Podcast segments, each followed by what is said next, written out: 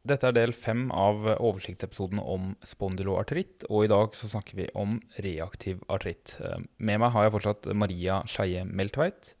Og før jeg setter over, så vil jeg bare gjøre en liten presisering, og det er at eh, når jeg snakker om bakteriell enterokolitt i denne episoden her, så mener jeg bare en bakteriell tarminfeksjon. Kall det gastroenteritt, kall det enteritt, kall det kolitt, eh, kall det hva du vil. Jeg har valgt å kalle det bakteriell enterokolitt. Da setter jeg over. God lytting. Da har vi kommet til den eh, long awaited eh, episoden om reaktivartritt. Mm. hvor vi skal uh, ta opp igjen den cliffhangeren fra første episode. Mm. Men uh, reaktiv artritt det er en form for spondylartritt som oppstår samtidig, eller kort tid, altså sånn én til fire uker, etter enterokolitt eller uretritt med definerte mikrober. Mm. Og de mikrobene kan ikke dyrkes fra leddene, så det er, en, det er jo ikke en infeksiøs eller septisk artritt. Det er en eh, steril immunologisk reaksjon utløst av en pågående eller nylig gjennomgått infeksjon. Og det som var cliffhangeren, det er jo det at eh, det er litt viktig å være klar over at reaktiv artritt ikke er en fellesbetegnelse for alle former for artritt som oppstår i forløpet av en infeksjon. Mm. Altså det er en helt konkret tilstand som har to kjennetegn.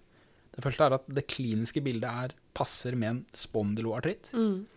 Og det andre er at den er utløst av eh, noen helt bestemte mikrober. Mm. Eh, når jeg sier helt bestemt, så er det jo kanskje litt eh, omdiskutert akkurat hva den listen er, da, men det, er, Mm. det finnes en liste over mikrober som er koblet til denne tilstanden. De eh, mikrobene det dreier seg om, er for enterikolitt så er det campylobacter, det er salmonella, det er shigella, og det er yersinia. Og eh, for uretritt så er det klamydia. Mm. Men eh, som sagt så er det jo også andre mikrober som er foreslått å være utløsende agens for eh, en reaktiv artritt. En av dem, som jeg har sett selv, er sånne intravesikale BCG-installasjoner oh, ja. for cancervesica. Ja. Der er det noen pasienter som utvikler noe som ligner veldig på reaktiv artritt, da, med, med en oligoartritt eh, asymmetrisk, eh, med konjunktivitt og eh, Mm. uretritt. Så det er nok, i hvert fall for min del, sånn, med den lille erfaringen jeg har med dette, en av de mer overbevisende andre Mm. mikrobene som ikke er med i den standardlisten som jeg lærte en gang i Krakow for mange år siden. Mm. Men altså, en artrittilstand kan oppstå som en steril immunologisk reaksjon eh, under eller eh, etter andre mikrober også, Mm. men i motsetning til reaktiv artritt så vil den artritten vanligvis ikke ha et sånn typisk spondylartrittmønster i seg, eller vil ikke ha de tilleggsfenomenene og ekstraartikulære manifestasjonene Mm. som gjør at det ligner på en spondylartritt. Mm. Den, de formene for artrittene har vanligvis heller ikke noe tydelig sammenheng med HLA-B27. Eh, Så derfor så måte passer det ikke inn under betegnelsen spondylartritt, og derfor bør det heller ikke kalles en reaktiv artritt. Mm. Hvis man da ønsker å benevne den, den tilstanden med noe, så er det jo ting sånn som infeksjonsrelatert artritt, eller parainfeksiøs eller postinfeksiøs artritt, eller noe sånt som det. Mm. Eventuelt poststreptokokkartritt. Eh, Hvis det er etter en eh, streptokokkhals hos voksne, så er det et begrep som noen ganger brukes. Mm. Men hvis man ser strengt på det, så er ingen av de tingene egentlig en sånn klassisk reaktiv artritt.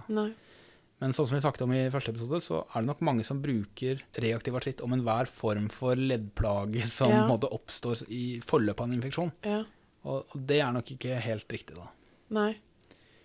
Um, men jeg skjønner jo at skjønner, altså Det formidler en eh, forståelse av at dette er et eller annet sånn uspesifikt Ja. som sannsynligvis mm. går over. Eh, men eh, jeg syns at man kanskje skal være litt tilbakeholden med å kalle det det, hvis ikke det er noe som du føler at passer veldig godt inn i denne Ja. gruppen her. Da. Det var interessant for allmennlegene. Ja. Ja. Eh, og så vet jeg ikke om de eh, andre forslagene til navn jeg var kom med der, var like fengende eller catchy som en reaktiv artritt. Jeg tror de faller i dårlig jord, fordi der sier du mye mer om årsak. Ja. Mens reaktiv artritt er på en måte passe diffust.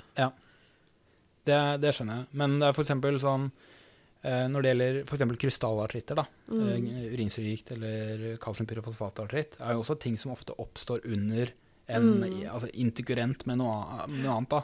Mm. F.eks. For eksempel infeksjon. Ja. Så en eldre person som har en eller annen eh, luftveisinfeksjon eller noe, og får artritt i et kne, Mm. det kan jo vel så gjerne være en eh, krystallartritt som eh, noe annet, ikke sant? Mm. Eh, Mm. Så min opplevelse er i hvert fall at det brukes litt liberalt, eh, hovedsakelig Ja. av personer utenfor Ja, det er nesten sånn et forsøk på å unngå overdiagnostisering, men så bommer du fordi at det begrepet er allerede tatt, på en måte, Ja, av revmatologene. Ja, egentlig. Ja. Um, så jeg vet ikke om det har noen alvorlig konsekvens at det Nei, nei. gjøres sånn, men, eh, men eh, jeg syns i hvert fall uh, denne entiteten reaktiv artritt blir klarere i mitt hode ved å, ved å begrense det Mm. inn under spondylartrittbegrepet. Mm. For da har jeg mer formening om hva er det jeg forventer at Mm. det her skal egentlig være. Er det, og eh, også at jeg har en mer konkret liste over ting jeg leter etter eh, i mikrobiologien. da. At det ikke bare er sånn å ja, dette er et eller annet eh, Mm. relatert til noen infeksjon. jeg vet ikke, altså. Mm. Men eh, sammenlignet med andre former for spondylartritt, så er jo da som sagt eh, min opplevelse at dette her er forholdsvis sjelden reaktiv artritt. Og eh, klamydiauretritt er oppgitt å være vanligste utløsende årsak, og det er også det jeg har sett desidert mest av. Mm. Um, og siden klamydiauretritt er vanligste forutgående årsak, så er det jo også sånn at dette er en tilstand som ofte ses hos eh, seksuelt eh, aktive unge voksne. Mm. Og den typiske presentasjonen er um, altså en artritt. Det kan være aksial og eller perifer. Um, ofte den klassiske eh, asymmetriske oligoartritten i underekstremitetene. Mm. Kan være veldig hissig eh, og veldig smertefullt. Og, og ca. halvparten har samtidig aksial artritt. Og de kan også ha entesitt og til og med også daktylitt. Og når det gjelder den utløsende infeksjonen, så er det jo eh, enterokolitt vil vanligvis være symptomatisk med diaré, men eh, ofte selvbegrensende. da. Og så er det sånn at artritten ofte oppstår én til fire uker etterpå. Så når pasienten oppsøker lege for Mm. artritten, eh, så har den diareen ofte avtatt, og da vil man sjelden kunne påvise eh, det faktiske agelset i avføringsprøver. da. Mm. Klamydiauretritt vil ofte kunne påvises selv etter debut av artritt, fordi Mm. den infeksjonen er ofte da fortsatt til stede. Eh, men man må jo huske på at det kan være asymptomatisk. Så hvis det er, altså hvis det er en ung voksen med en Mm. spondylartrittilstand, eh, så er det greit å på en måte høre litt om disse tingene, og også teste ganske liberalt eh, for det. Mm. Eh, jeg har hatt eh, pasienter som har blitt overrasket Mm. over det, og det er jo veldig nyttig å, å få den bekreftelsen, for da vet du at dette er en reaktiv artritt, og ergo en Mm. tilstand som forhåpentligvis eh, går over Mm. etter hvert. da. Når det gjelder ekstraartikulære manifestasjoner, så kan jo reaktiv artritt som sagt gi en sånn ster steril konjunktivitt. Eh, Det er jo litt i motsetning til andre former for spondylartritt, som, gjerne, som oftere gir en uvitt. Men her Mm. er det konjunktivitt som er den klassiske manifestasjonen, selv om uvitt også kan forekomme. Mm. Og eh, når det gjelder uretritt, altså dyseri og, og smerter, så kan det være betinget av i en pågående klamydiainfeksjon. Eh, men eh, det står flere steder at en steril uretritt kan oppstå som en ekstraartikulær manifestasjon av Mm. sykdommen, også ved enterokolitt-utløst reaktiv Veldig, veldig rart. som er, eh, som er jeg, måtte, jeg måtte lese det flere ganger for å Ja. nesten tro på det, men det er altså faktisk tilfellet, da. Eh, Og ca. 10-15% av pasientene får eh, mukokutane manifestasjoner. Det kan være slimhinnesår i munnen. Det kan være noe som heter eh, sirkinat balanitt, som er forandringer på, på glans. da. De kan også få noe som heter keratoderma blenoragicum, Hmm. som er psoriasis-lignende hudforandringer under fotsålene. Mhm. Som eh, Jeg har aldri sett verken eh, den sirkinate balanitten eller eh, keratoderma blenoragicum, eh, men eh, det er jo i hvert fall beskrevet, da. Den typiske triaden ved reaktiv artritt er artritt, konjunktivitt og uretritt. Mm. Og det ble tidligere omtalt som Reiters syndrom. Eh, Men nå foretrekker vi å bruke begrepet reaktiv artritt. Mm. Og det da fordi det er ikke alle som har hele den triaden. Og så blir det litt sånn Mm. skal, ja. Det er en huskeregel for den triaden med artritt, konjunktivitt og uretritt. Og Mhm. den eh, triaden, eller den huskeregelen er eh, can't see, can't pee, can't can't climb a tree. ja, den har jeg hørt. Den uh, har vi hørt, og uh, det er jo da can't see er konjunktivitt, can't pee uretritt, can't climb a tree artritt. Selv om du sannsynligvis kan uh, både se og tisse og klatre i trær med det, men det er i hvert fall en catchy huskeregel som Ja, det det. man kan bruke. Mm. Men som sagt, ikke alle som har hele den triaden, da. Mm. Men reaktiv artritt bør først og fremst mistankes da ved typiske symptomer fra bevegelsesapparatet, altså asymmetrisk oligoartritt, eventuelt også altså inflammatorisk pregede ryggsmerter, entesitt eller daktylitt, under eller kort tid etter en mistenkt eller bekreftet enterokolitt eller uretritt. Og I mange tilfeller så vil man sagt ikke kunne påvise agens, men da blir jo mistanken om infeksjon basert hovedsakelig på anamnese Mm. eh, med dysori eller di diaré, og eventuelt hvis det har vært et utbrudd med de mikrobene i det området, Mm. eh, så kan man også tenke at ok, det har vært et utbrudd, du har hatt sånne type symptomer, det er grunn til å tro at du var rammet av det, og Mm. nå har du en tilstand som ligner på en spondylartritt, da er det jo på en måte nærliggende å tenke at dette kan dreie seg om en reaktiv artritt, selv om du ikke har påvist mikroben ved Mm. undersøkelser. Eh, og mistanken om reaktiv artritt styrkes jo hvis det er eh, ledsagende symptomer som er forenlige med det, da, så som konjunktivitt, eh, uretritt eller disse mukokutane manifestasjonene, som inkluderer da balanitten og eh, disse forandringene på, i fotsålene. Og reaktiv artritt bør også vurderes da hos personer med eh, spondylartrittsuspekte artikulære eh, manifestasjoner som, som har ny seksualpartner, Mm. eh, selv i fravær av klare uretrittsymptomer, Mm. siden da klamydiainfeksjon ofte er asymptomatisk.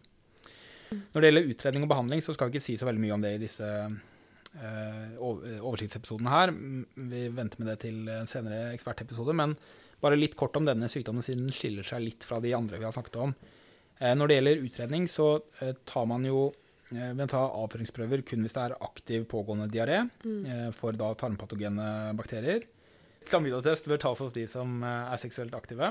Eh, HLA-B27 tar man, eh, og eh, den er positiv hos opp mot 70 Ja. Bare differensialdiagnoser, så er det sånn at eh, reaktiv artritt kan være ganske vanskelig å skille fra psoriasisartritt, eh, Mm. fordi eh, begge tilstandene kan gi aksial og perifer artritt og entesitt.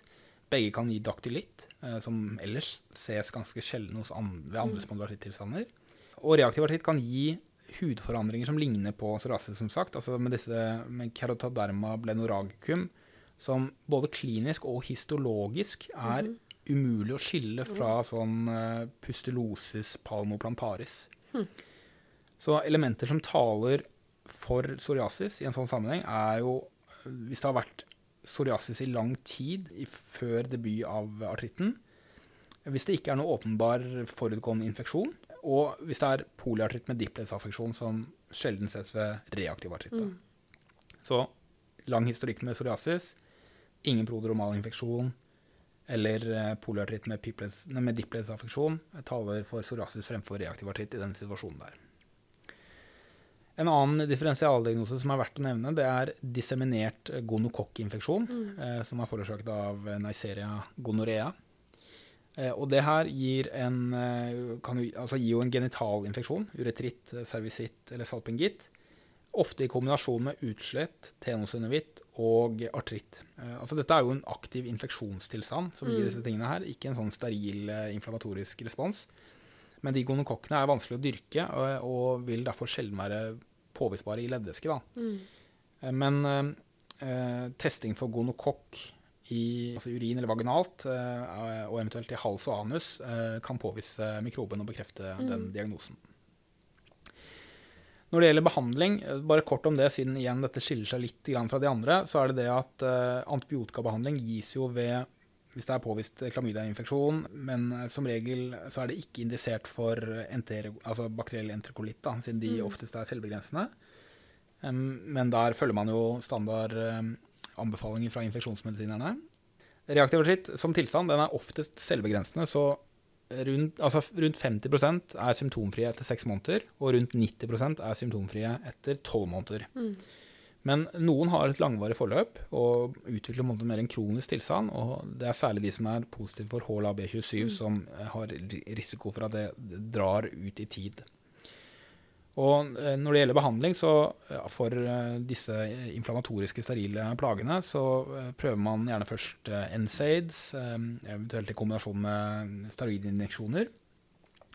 Men eh, hvis det er utilstrekkelig effekt av det, så kan det være aktuelt å behandle med enten sånne konvensjonelle DMAR, sånn som metodreksat metodrexat eller sulfasalazin. Um, og i refraktære eller alvorlige tilfeller så gir man også eh, behandling som, med, med TNF-hemmere, f.eks., mm. som uh, ofte er veldig effektivt. Men siden det er høy sannsynlighet for at dette er en selvbegrensende tilstand, så bør man jo ha lav terskel for å forsøke et seponeringsforsøk da, um, etter la oss si tre til seks måneders remisjon, for å se om det nå har klinget av. At det bare mm. trengte behandling i en kort periode. Mm. Mens disse andre spondylartrittilstandene er jo forventet å være kroniske sykdommer som ikke går over på denne måten mm. som reaktiv artritt gjør.